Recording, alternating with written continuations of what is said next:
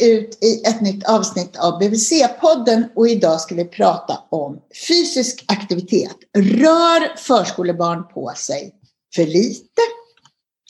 Jag heter Malin Bergström och är barnhälsovårdspsykolog och idag träffar jag någon som verkligen verkar leva som han lär. För när vi skulle börja med den här podden då kom han direkt inflängande från pulkabacken med sina egna barn.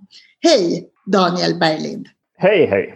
Vem är du? Ja, det är en bra fråga. Vad är jag för någon Jeppe? Förutom att ha de här tre små eh, prinsessorna som jag försöker leka med på dagarna så är jag också forskare och har liksom sitter lite på två stolar. Dels på institutionen för global folkhälsa på Karolinska institutet är docent och sen på en liten forskningsenhet inom Region Stockholm som heter Centrum för epidemiologi och samhällsmedicin. Och, och jag forskar mest om fysisk aktivitet hos små barn egentligen. Så det, det är väl det jag gör professionellt när jag inte leker med kidsen. Och hur kom du in på det här med fysisk aktivitet Daniel? Vad är liksom din bakgrund?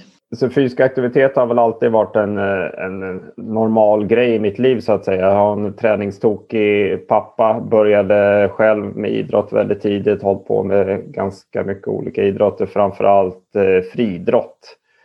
Eh, och alltid tyckt om att röra på mig och sådär. Och sen började jag plugga och var väl ganska medveten om efter gymnasiet här att jag ville bli eh, forskare. Så jag läste biomedicin och höll på med molekyler och sånt där i fem år på KI. Och sen skrev en avhandling om eh, kvinnor som genomgår fetmakirurgi. Jag har alltid varit intresserad av träning och hur kroppen fungerar och sådär och höll på med lite fysisk aktivitet då. Och sen efter det så har jag mer fortsatt och åt eh, mindre åt det molekylära hållet och mer åt folkhälsohållet och aktivitet och fetma. Så det är väl, och sen har jag hamnat och det är nu håller på mycket med barn som jag tycker är spännande. Och visst, det är väl lite om bakgrunden. Visst är det så också att du följde även barnen till de här kvinnorna som genomgick en sån här fetmaoperation? Det stämmer. Alltså, vi startade hela det här doktorandprojektet för att det fanns lite, väldigt lite data, men amerikansk data som tydde på att när en kvinna genomgår fetmakirurgi och vi kollade bara på kvinnor för att när vi startade det här, jag har inte riktigt koll på den här datan idag, men då var det 80-85 procent av alla som genomgår fetmakirurgi kvinnor. Däremot är det ganska lika fördelat fetma bland män och kvinnor i samhället. Så det här är ju någonting, en samhällsfaktor, va? att kvinnor gör det här mer än män. Det vet vi inte riktigt varför, men vi vet att det är så. Och då fanns det lite data som tyder på att man, om kvinnan genomgår fetmakirurgi så blir allt eh, tipptopp och familjen börjar leva lite hälsosammare så att säga. Om man får någon form av halo-effekt. Och det ville vi kolla om det var så i Sverige. Så vi åkte hem till massa familjer där eh, kvinnan då genomgick fetmakirurgi och mätte och vägde barnen och också kollade hur alla i familjen rörde sig. vi var först i världen med att hänga såna här accelerometrar eller mätare på alla i familjen så man kan se om de verkligen rör sig mer istället för att bara fråga folk. För det har vi också visat att det funkar sådär. Va? Vi är ganska duktiga på att överskatta hur mycket vi rör oss. Och kontentan av hela den här avhandlingen var väl att eh, tyvärr finns det ingen sån här halo-effekt i Sverige i varje fall. Allt mm. blir inte guld och gröna skogar med fetmakirurgi, även om det har mycket fördelar. Så mm. kunde vi inte se det någon sån effekt hos barnen, eller kvinnan för den delen, som tappade ungefär hälften av sin kroppsvikt men inte rör sig ett smack mer. Mm. Så kontentan är att bara för att en kirurg skär i magen så kommer du inte tycka det är kul att gå ut och springa. Du, när jag kollade på de där studierna då blev jag lite så tagen av hur fruktansvärt lite folk rörde på sig. Det, så kanske det är för oss alla. Men... Ja, alltså generellt. Det finns ju andra forskare här på KI och andra ställen som har kollat hur mycket vuxna rör sig genom att hänga mätare på dem. Och generellt, alltså om vi skickar ut enkäter till folk så är det ganska många som tror att de rör sig tillräckligt.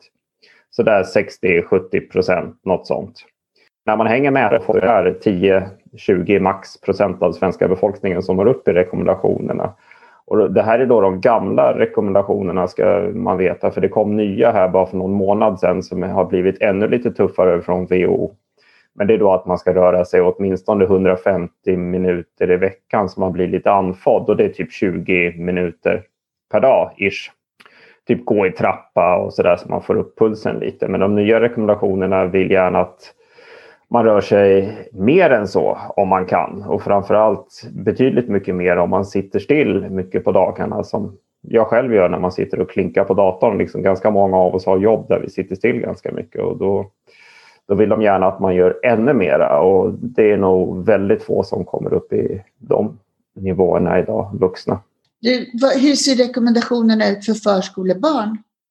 Ja, för där har de också uppdaterats lite förra året faktiskt. För då fanns det i princip inga rekommendationer för barn under fem år. Men nu har det kommit sådana rekommendationer och sen är det en vetenskaplig diskussion och den liksom vetenskapliga evidensen bakom det här. Men det lämnar vi därhän.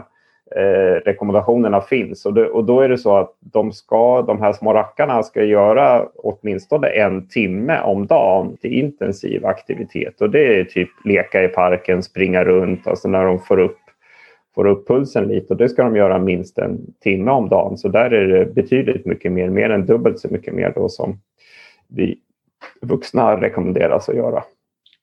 Och det här, så är det inte. För att alltså, om man, jag känner mig som ett ufo liksom, men jag, jag tänker på hur det har varit att ha egna barn och så, här, så tänker man herregud, de rör på sig jämt. Men det gör de inte. Nej, man har ju gärna den bilden. Det har ju jag som förälder också. Och sen så är det ju så att eh, det är dels det min forskning går ut på, många andra i stora delar av världen också, att hänga mätare på barn då för att få så bra siffror som möjligt på hur de rör sig. Och eh, det är inte bara det vi har visat utan det är ju andra i Sverige och övriga Norden och i världen och så att det är ganska få, även små barn, som kommer upp i de här Eh, rekommendationerna faktiskt. Så det, det, krävs mer än vad man tror. Alltså det, är det, som är, det är samma sak med en själv när man väl börjar mäta på sig själv och sådär. Så ta, bara för att du har en gympalektion som är 45 minuter så betyder det inte att det blir 45 minuter aktivitet. Va? Det finns ju en forskargrupp här i Sverige som har kollat på just det här med skolungdomar då, när de går i skolan och har idrott och hälsa. Och då är väl snittlektionen 45 minuter. Och i snitt så blir det någonstans runt 10 minuter aktivitet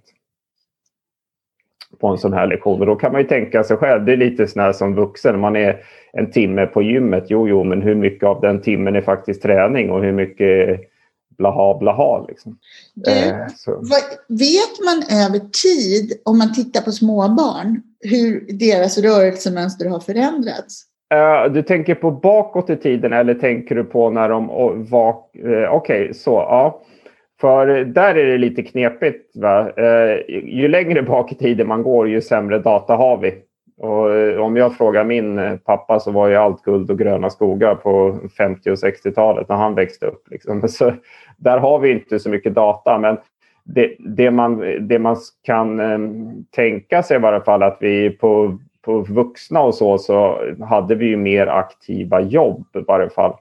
Så där borde det ha varit betydligt mycket mer aktivitet. Och sen är frågan, går man tillbaks inte så långt, till, kanske till 90-talet och så där, där vi ändå har lite bättre data på hur barn och så rör sig, så finns det väl i varje fall en hel del som tyder på att det har gått ner en del. Vi kan också se alltså, kondition, framför allt hos vuxna. Det har vi ganska bra data på när man har gjort sådana här eh, cykeltester på arbetsplatser och så vidare. Och det kom hyfsat nyligen en studie från Idrottshögskolan, här GIH i Stockholm, där man har kollat på nästan 400 000 svenskar från nu ska vi se här, 95 till 2017.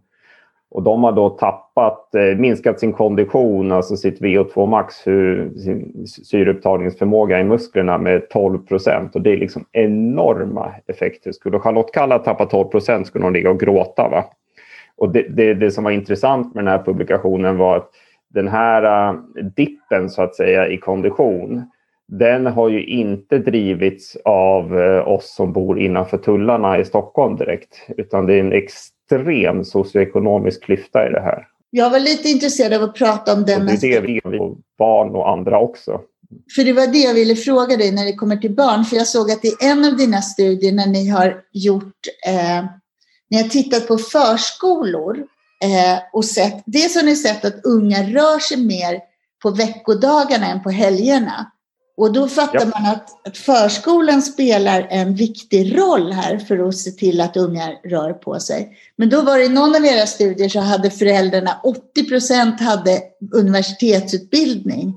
Så jag blev så intresserad av vad vi vet om skillnader i relation till familjers förutsättningar och socioekonomi när det gäller barn. Har vi koll på det på förskolebarn? Men, eh, Om vi börjar med lite äldre barn, skolbarn, så har en annan forskare på KI, Gisela Nyberg, hon har hängt sina mätare på 3000 skolbarn.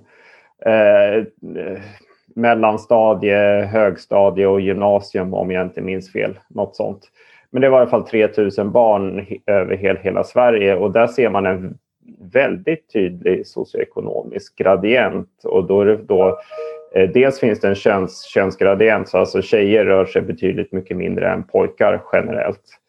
Eh, däremot så är vi hyfsat säkra på att båda behöver lika mycket aktivitet för, häls- för att få hälsofördelar och så, så det är något att tänka på också. Men alltså, då är det just de här med lägre, då föräldrarna har lägre socioekonomisk status, där rör sig barnen betydligt mycket, Eh, mycket mindre. Och det vi har gjort hittills, som vi har lite data på det där som du nämnde, det är ju en studie som är gjord på Södermalm. Och det är väldigt homogent, så därför blir det som det blir, att det blir väldigt eh, eh, mycket föräldrar med hög socioekonomisk status. Men just ur den synpunkten och vår frågeställning så var det väldigt bra, för då kunde vi liksom, behöver vi inte ta hänsyn till den faktorn så att säga i våra analyser, men det är inte särskilt representativt. Men vi håller på nu med ett betydligt större projekt där vi kommer få föräldrar med väldigt olika socioekonomisk bakgrund. Så då kommer vi kunna besvara den frågan bättre. För än, än så länge idag så finns det ingen data på det på förskolebarn. Men könsskillnader, det känner vi till. Att flickor De är stora, det är 20 procent ungefär. Så pojkar är mer Skillnad alltså. aktiva. Ja, eh, Eh, och det där finns det, det finns en sån här internationell databas som heter ska vi säga, ICAD, International Children eh, Accelerometer Database. Eh, det finns en databas där man har samlat massa såna här objektiva mätningar på barn från ända från två år upp till vuxen ålder och det är jag tror uppe i någonstans 40 000 barn som är med i den där Ehm, ehm, databasen. Då. Och där kan man ju se tydligt att barn är som mest aktiva när de är 5 till 6 år och sen så går det ut för i princip. Sen blir de mindre och mindre aktiva. Och könsskillnaderna är ända ner till två år. Och jag har ingen... Det finns liksom ingen vetenskaplig förklaring eh, sådär, att det beror på det här. Utan, men min gissning är att dels så finns det något genetiskt Mm. Eh, att jag bara tror att eh, killar är genetiskt predisponerade till att röra sig mer pojkar. Men jag är ganska övertygad också om att jag som förälder hade gjort något annorlunda om jag hade haft tre pojkar jämfört med tre tjejer. Och jag är övertygad om att samhället och förskolan eh, har en annan syn på tjejer och pojkar. Eh, så att det, en stor del kan förklaras där. Så ett väldigt viktigt budskap, både till BVC, till förskolan och till föräldrarna, det är att vara särskilt noga och uppmärksamma kring flickors rörelse och uppmuntra till det när det kommer till tjejer. Ja, så är det. Och framförallt för barn, som du nämnde det, att förskolan är viktig och skolan är viktig. Och det, anledningen till att jag gör mycket i förskola och så, det är för att det är en sån fantastisk arena där nästan alla barn samlas oavsett socioekonomisk status. Och där har man en möjlighet att kunna påverka till det bättre. Vill man göra samma sak på individnivå, då måste man gå på föräldrar och det blir väldigt mycket krångligare genast. Jag har varit jätteintresserad av könsskillnader bland riktigt små barn. Framförallt liksom Mm. nyfödda och första året för att det är så spännande att se vad, är, vad har de i sig och vad är samhället, påverkan, föräldrar, Ja. bemötande och så. Men så som jag har fattat det, så det man ser på riktigt små barn, det är just en högre aktivitetsnivå hos pojkar och det är rent fysiskt, att man är Mm. mer fysisk. Sen är pojkar också mer svårreglerade med mat och sömn den första tiden och så. Men det är möjligt att det här är någonting som sen normer i samhället späder på liksom. Så att det som vanligt är både och. Ja, jag skulle... Det, det är min bästa gissning i varje fall. Att det, det, det är liksom, du har den här genetiska men sen också att samhället eh, gör sin del av kakan. Och där är det viktigt som du säger att eh, ur ett förskoleperspektiv att man tänker på det att försöka och aktivera tjejerna. För det, det jag nämnde tidigare en skolstudie man har gjort på idrottslektioner Eh, och sett hur lite de rör sig där om man säger så. Där kan man också se att när det är sådana här eh, väldigt eh, pojkiga sporter oftast som slänger in en boll och springer runt och brottas eller vad, vad man nu gör. Liksom, då, det attraherar pojkar till en större del än om man har gymnastik och dans och så vidare. Och det där är ju något man ska tänka på att liksom, vi behöver ju kanske inte riktigt uppmuntra de här som är jätteaktiva till att röra sig mer utan mer försöka få de här som rör sig minst att göra någonting. Och det, det går ju samma sak på samhällsnivå att alla hälsoeffekter liksom ur folkhälsoperspektiv kommer vi få av att försöka få min mamma som inte gör ett smack och börja gå till och från bussen och röra på sig lite. Inte få mig att träna sju istället för fem pass i veckan. Det är liksom kul att ha en hobby idag när vi syns på akuten och har pajat ditt knä gång nummer fyra. Liksom. Så det, det, är en viktig grej att få fram också att de här största hälsofördelarna kommer från att inte göra någonting till att göra lite. Och det gäller ju för vuxna och för barn. Så det är de vi ska försöka fånga upp och, eh, så tidigt som möjligt. Du, jag såg någonstans att du hade sagt eller skrivit att, att hälften av småbarns vakna tid är stillasittande. Stämmer det? Ja, någonstans där ligger det ungefär i krok krokarna. Uh, och då stillasittande mätt med en accelerometer, alltså att man, man rör sig väldigt lite helt enkelt. Uh, så att säga. Och det, ja. Uh, och kom, sen så om man ska kolla på sådana här som jag nämnde, Gisela som har hängt mätare på 3000 små barn, eller vad säger skolbarn. Där när de kommer upp i tonåren, då kan det vara bra mycket mer än hälften av tiden hos vissa. Och du, vad tänker du om det analogt med det att det är viktigare att få din mamma att gå till bussen än att få dig att träna sju pass i veckan? Hur ska man, ska man ha barn att röra på sig lite större delen av den vakna tiden eller är det viktiga att få dem att riktigt kuta runt och leka så att man kommer upp i puls? Liksom? Alltså, ja, generellt så är intensity is king som jag brukar säga. Alltså intensiteten är ju, är väldigt viktig och den är ju viktig att få upp eh, så att säga. Eh, sen är det ju såklart bra att kunna sprida på det. Ursäkta, vänta en, en sekund. Ja, den här har smitit in i rummet. Hon har precis, hon lär sig att gå. vänta en sekund.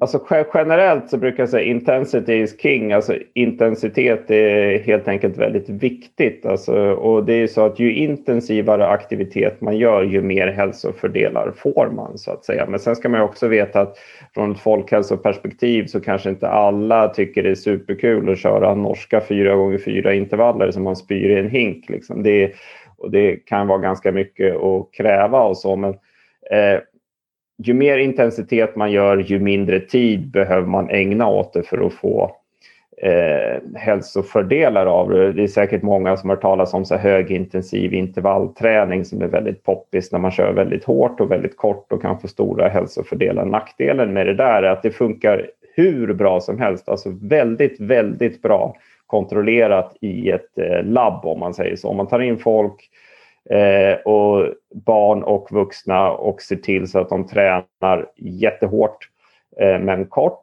och så får man jättemycket hälsofördelar. Problemet när man går ut med det här rådet mer i allmänhet och liksom, det räcker med att träna fyra minuter i veckan om du kör jättehårt och så vidare. Det är att det, man får inte lika mycket hälsofördelar där och det är nog en compliance-fråga för att det är lite halvknepigt att pressa sig så hårt själv så att säga också. Men och det var ett långt svar på en kort fråga om hur man ska tänka med barn är väl att visst, ju intensivare ju bättre. Men det är också bättre att göra faktiskt någonting än att inte göra någonting alls.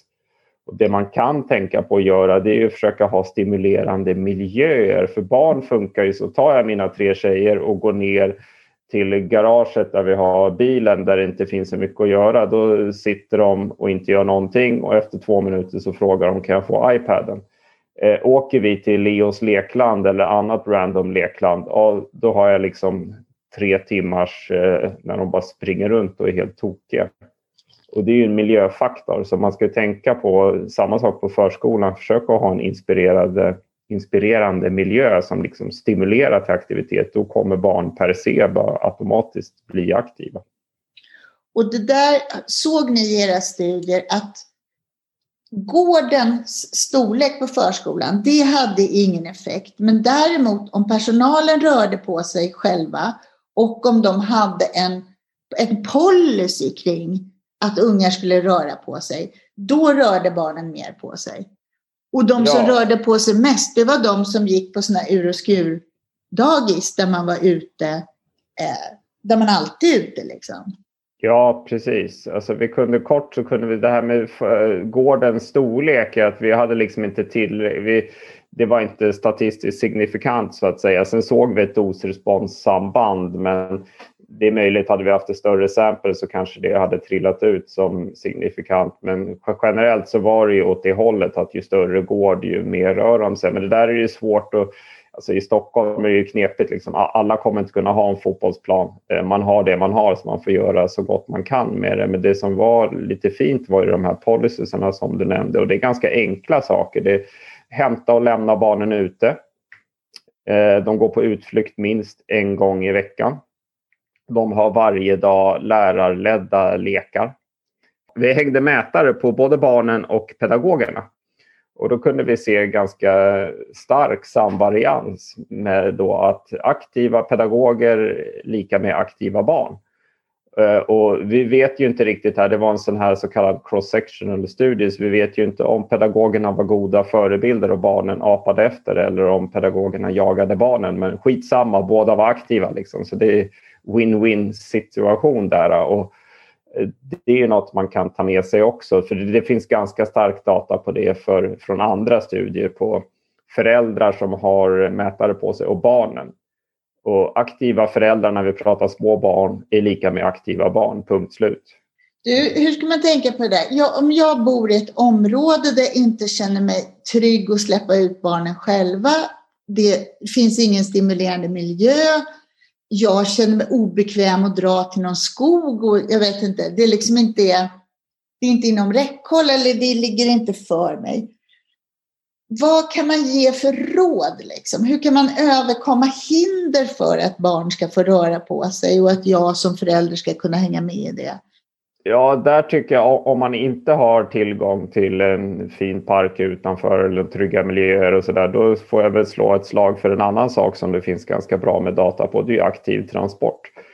Och då får det bli aktiv transport till allting. Alltså, ni måste till mataffären. Ja, då kan man gå dit. Ni ska gå till frisören och klippa er. Man kanske kan cykla dit. All, alltså all aktivitet räknas. Och hur man får in den, det behöver absolut inte vara på ett gym eller i en park. Det kan komma var som helst ifrån. Så där är ju jättebra grejer, för det kunde vi se i den här studien på Södermalm också med barn. Att Eh, det här med om man eh, transporterar sig aktivt till och från förskolan så rör sig barnen betydligt mycket mer i dosrespons. Alltså ju mer aktiv transport, ehm, eh, ju fler gånger i veckan, ju mer rör sig barnen. Och det här är en sak som gäller även för vuxna och det blir lite en win-win.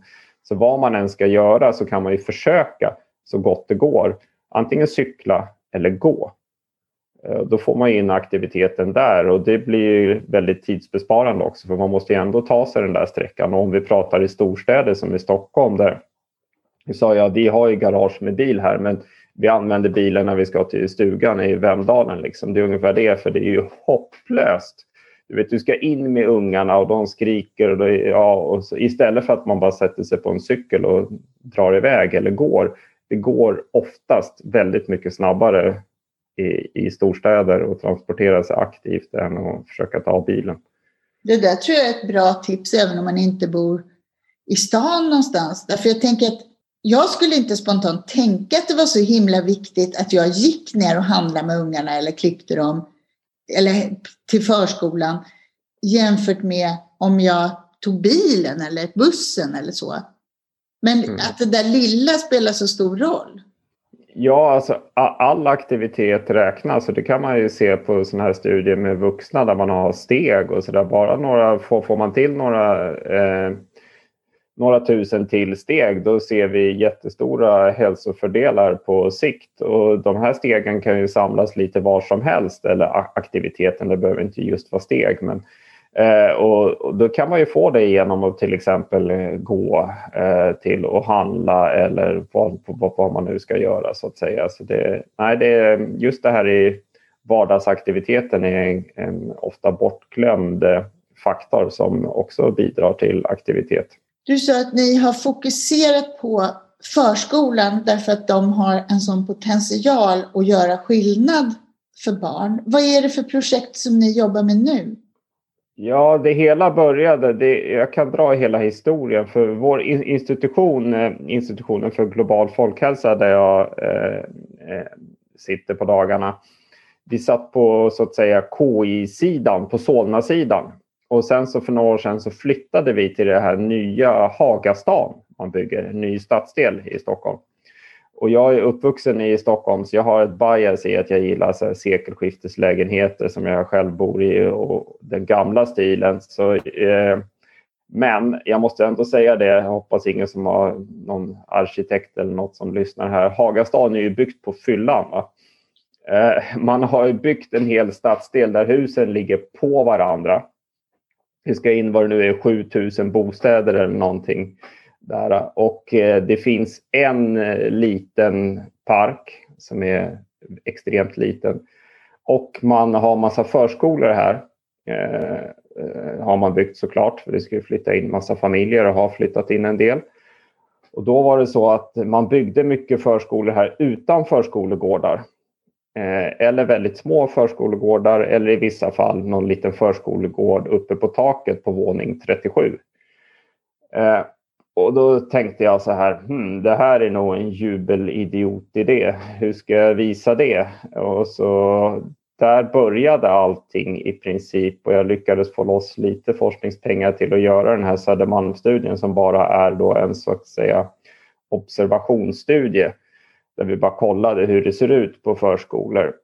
Eh, att vi gjorde då en, eh, som man kan säga, observationsstudie på Södermalm och där hade vi då med eh, ungefär 30 förskolor och 400 barn och ett gäng pedagoger. Och så mätte vi då hur mycket barnen rör sig och lite faktorer på förskolan som vi har pratat om. Det här med liksom hur stor är gården, har de policies för fysisk aktivitet och, och så vidare. Och då kunde vi då se det här med att de förskolor som har policies för fysisk aktivitet, där rör sig barnen betydligt mycket mer. Och, men det är ju som sagt observationsdata och inga ing, ing, associationer, inget kausalsamband. Men då, eh, kaxig som jag är, så tog jag min... Eh, jag har ju den här positionen där jag sitter på eh, Centrum för epidemiologi och samhällsmedicin också, där vi jobbar väldigt nära politiker och försöker ta fram lite ska man säga, enklare rapporter som ska kunna ge underlag till politiska beslut. Så jag hörde helt enkelt av mig till dåvarande skolborgarråd Lotta Edholm och bjöd in mig själv till Stadshuset. Sådär. Och sa att jag vet hur man gör politik, man gör en förändring via data. Nu ska jag komma och visa data för er. Och hon tyckte väl det var lite kul. Undrar vad det här är för någon stolle. Eh, och så kom vi och så efter massa möten i Stadshuset där jag har dragit eh, det här eh, ett otal, ett antal gånger om det vi kom fram till då. Så beslutades det faktiskt att från och med i år och 2020 då 2021 så ska alla förskolor i hela Stockholm då införa policies för fysisk aktivitet. Så det blev ett politiskt beslut på det och det skrevs in i förskolebudgeten. Och då var min... Eh, då var det så, dealen var att eh, Lotta skriver in det här i budgeten och så sa jag det är jättefint att ni gör saker. Ni politiker gillar ju att vifta med den fina flaggan och säga titta vad jag har gjort. Men ni glömmer ofta att utvärdera. Och om man ska utvärdera någonting väldigt väl så ska man helst inte bara ha såna här observationsdata som jag kom med utan man ska försöka göra en intervention och helst en randomiserad sådan. Då kan ni tänka på randomiserad, vad är det? Ja, men alla sådana här vaccinstudier som nu har gjorts där liksom en grupp får sockerpiller, någonting som Alltså bara vatten, vad som helst. En kontroll och sen så får man det verkliga vaccinet. Och det var lite det vi ville göra då i verkligheten här. Eh, och, eh, så det är det vi gör nu. Inom hela Region Stockholm, som är alla 13 stadsdelar, eh, så har vi 130-ish förskolor som vi randomiserar då till att hälften får implementera de här policyerna som vi har hittat och hälften får köra på som vanligt. Och så håller vi på ett halvår och så får vi se vem som vinner efter ett halvår, alltså vilka barn som rör sig mest helt enkelt.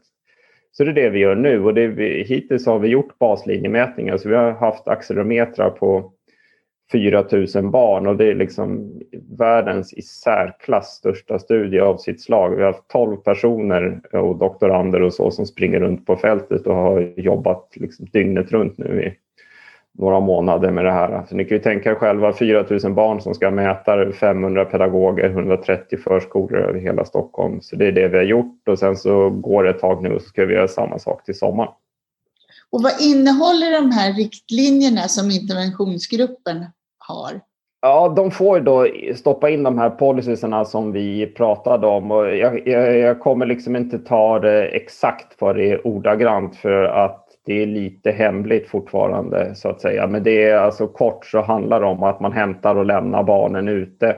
Man har lärarledda lekar, man går på utflykter eh, varje vecka och så vidare och så vidare. Så de här som då lottas, de förskolor som lottas till att du får vara en interventionsförskola och ska stoppa in de här policyerna, de får tillgång till en hemsida som vi har byggt med massa tips på hur man kan göra för att implementera det här och vad de ska göra och få hjälp då under interventionen och de som lottas till kontroll får bara fortsätta som vanligt och sen när studien är slut så får de självklart tillgång till det här.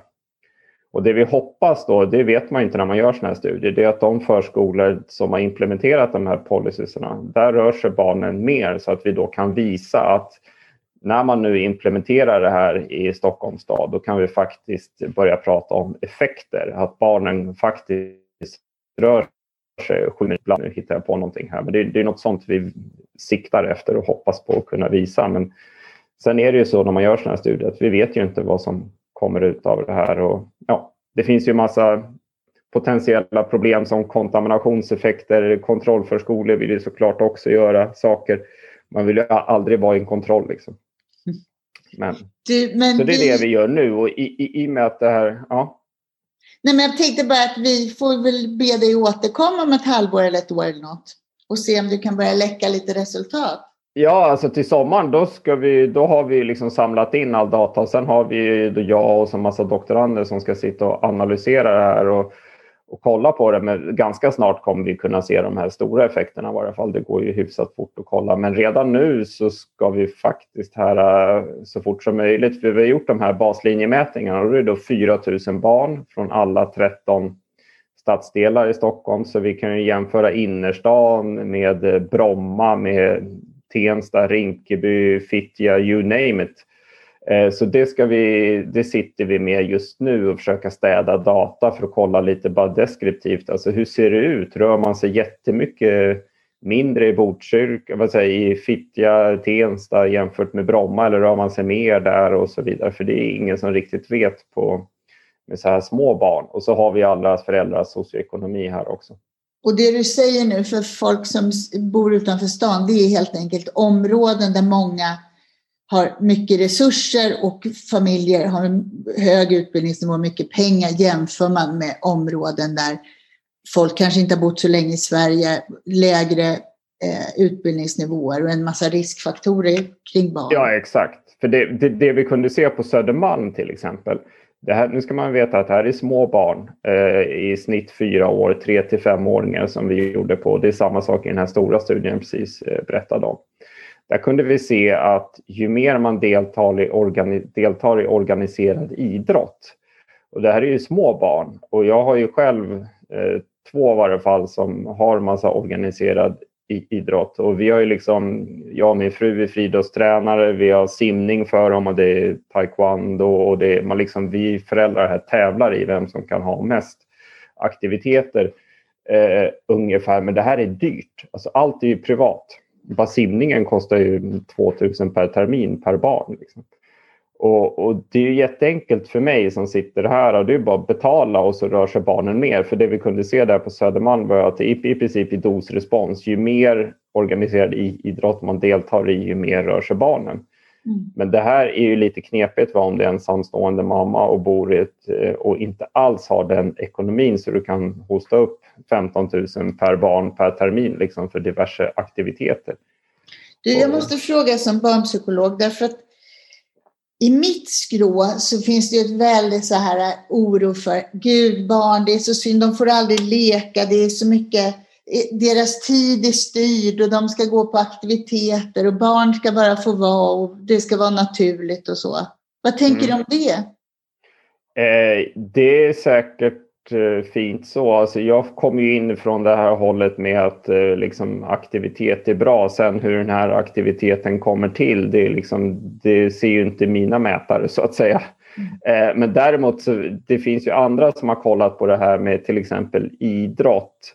Det, och, och, om man ska specialisera tidigt och bla bla bla. Och här är i princip allting tyder på precis det du säger, att det måste vara lekfullt på deras villkor och vara kul. Och i varje fall de sakerna jag deltar i och det här blir ju mitt bias och personligt så för att vi är ju dels friidrottstränare, jag och min fru, vi kommer från den bakgrunden. Liksom. Det, det handlar ju om att samla barn och ha kul. Det mm. handlar inte om att vi försöker få dem att kasta kula så långt som möjligt. Liksom. Det, det, är inte riktigt på den nivån. Så jag, jag, tror det är väldigt eh, viktigt att det är lekfullt eh, och så vidare och väldigt långt upp i åldrarna om någonting, om någonting. Om man vill specialisera sina barn och få dem att bli duktiga på någonting, då handlar det om att hålla på med så mycket som möjligt och få dem att fortsätta över tid och få någon att fortsätta över tid, då, det gör man inte hur mycket mamma och pappa än vill om man inte tycker det är roligt själv. Mm. Så det tror jag är väldigt eh, viktigt. Men min poäng med hela det här med organiserad idrott var att det är ganska för enkelt om man har ekonomiska resurser att få in aktivitet där det inte är tryggt kanske att gå ut och det inte finns lika mycket parker och så vidare och man kanske inte har råd att ha cykel, jättefin cykel cykel till alla sina barn och så vidare och så vidare. Och, och då, är det en puckel alltså. Och så kommer vi tillbaka till betydelsen av förskola och sen skola. Exakt, och det, det, man vill eh, sådär från folkhälsoperspektiv det är väl att så stor del av den här aktiviteten som barn behöver göra eh, så att säga för att få alla hälsofördelar. Den vill man gärna att den ska bli gjord i skola eller förskola för då kan man ju till viss del i varje fall utnyttja de här socioekonomiska klyftorna och så kan vi se till att förskolan och skolan bidrar med en viss mängd aktivitet. Och sen om man vill göra mer då och ha 14 träningar i veckan, kör på bara. Men så att alla åtminstone får eh, en rimlig nivå, så att säga en baslinjenivå av, aktivitet som vi vet är viktigt. För det handlar inte om att alla ska bli Zlatan. Va? Det handlar ju om att man, man ska röra på sig bara till, till en viss del för att vi vet att det är väldigt bra för hälsa. Dels för barnen kortsiktigt men även på lång sikt. Där måste jag bara fråga, jag ska, vi ska avrunda dagen. Jag måste bara få ställa en sån avslutande fråga som psykolog. Idag är vi ju matade med information om att för oss vuxna så är fysisk aktivitet viktigt för att vi också ska må bra psykiskt. Och man pratar idag om fysisk aktivitet på recept, inte bara för om man råkar vara lite rultig utan också om man är deprimerad till exempel. Och så. Men vet vi det med barn, småbarn, om det finns ett samband mellan välbefinnande och hur mycket barn rör på sig? Ja, det vet vi till viss del. Det är inte lika starkt som hos vuxna. Det är för att vi inte har gjort lika mycket studier på det helt enkelt. Sen är det ju vissa saker som du säkert kan bättre än mig, men just det här med att mäta psykologiska faktorer hos väldigt små barn, det är inte så här plättlätt. Eh, och vi har ju till exempel i den här studien på Södermalm, men även vad vi gör nu, något, eh, skala så att säga, Strength and Difficult Questionnaire, som för, det är någon form av proxy för något psykiskt välmående, fysiskt välbefinnande hos eh, små barn och så, så det kommer vi kunna kolla på. Men det finns det finns ju mer på skolbarn och när vi pratar den åldern och där finns det ju som sagt tydligare samband med att de helt enkelt, man ska säga, mår lite bättre som vi vuxna också av att röra sig mer. Eh, så det pekar åt samma håll som hos vuxna. Det är bara det att man ska veta att allting är lite knepigare med barn. Det som vi försöker till exempel mäta det här med hur vältränade barnen är, fitness och muskelstyrka och allting blir knepigare bara med barn för de, att de gör inte alltid som man vill och så vidare och så vidare. Så. Du, är det någon, några råd du skulle vilja ge utöver det vi har pratat om? Som du vill skicka med till personal eller föräldrar? Ja, om man tänker, det, som för personal så tycker jag man ska försöka. Man, man får, om man är på en förskola och så vet man mer. Man, får, man har ju de förutsättningar man har. Men dels ta reda på vad som finns i närområdet. För det här med utflykter är väldigt viktigt. Uh, och det har vi sett att det samvarierar med hur mycket barnen rör sig. Och tänk på när man har utflykter och försöka transportera sig aktivt dit. Alltså vi pratar eh, i områden som är väldigt nära. Försök att ta sig dit aktivt, vara där och göra någonting och gå tillbaka så att säga. Men sen också försök att skapa miljöer i, då som eh, främjar till aktivitet. Gör förskolegården så kul som möjligt. Man kan göra mycket saker inomhus så att barnen rör sig också och så vidare. Och så det är något man ska tänka på för liksom förskolans perspektiv. Och sen på, från föräldraperspektivet så återigen slå ett slag för det här med aktiv transport till och från förskolan. Jag är själv tre små barn och försöker forska och göra karriär och vet att man kan vara jättestressad och så vidare. Man kan, jag tycker man kan stressa hur mycket som helst men inte med barnen. Då kan man faktiskt, för då får man lite aktivitet själv och ta sig dit aktivt. Och så all form av sån här äh, aktivitet man kan få in i vardagen tillsammans tror jag är väldigt bra. Dels för att man får röra på sig själv och sen barnen också. Men sen att man gör det lite som en grej i familjen. Att man har, liksom, det är väl ganska mm, vanligt att man eh, sitter och kollar på tv tillsammans. Man kan faktiskt gå till en park och leka tillsammans eller träna tillsammans och så vidare så att man bygger det som vanor. Eh, så att säga. Det tror jag är väldigt viktigt för barnen också och se att man, man gör sånt tillsammans. Det är liksom en normal del i vårt liv så att säga. Då ska vi bryta ut från det här avsnittet. Jag säger tack till dig Daniel för att du var med och så ser jag fram emot att vi får återkomma och höra mer om resultaten. Tack, tack.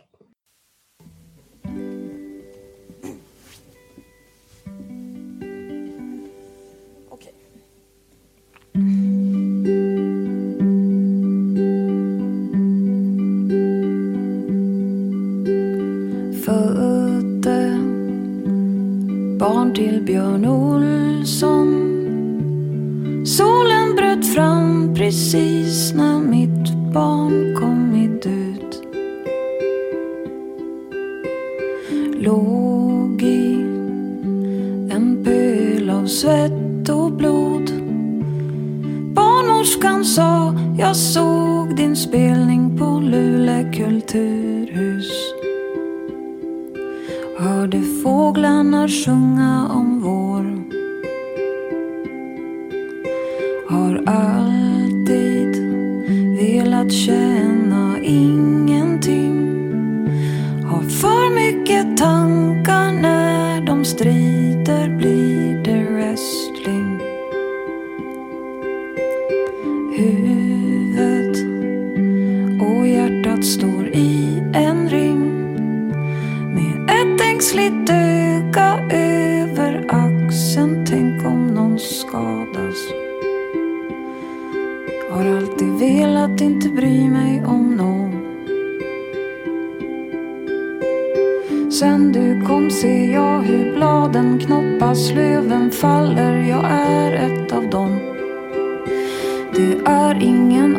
ångest, jag inser jag också ska multna och allt tillhör dig ser himlen åter bli grå.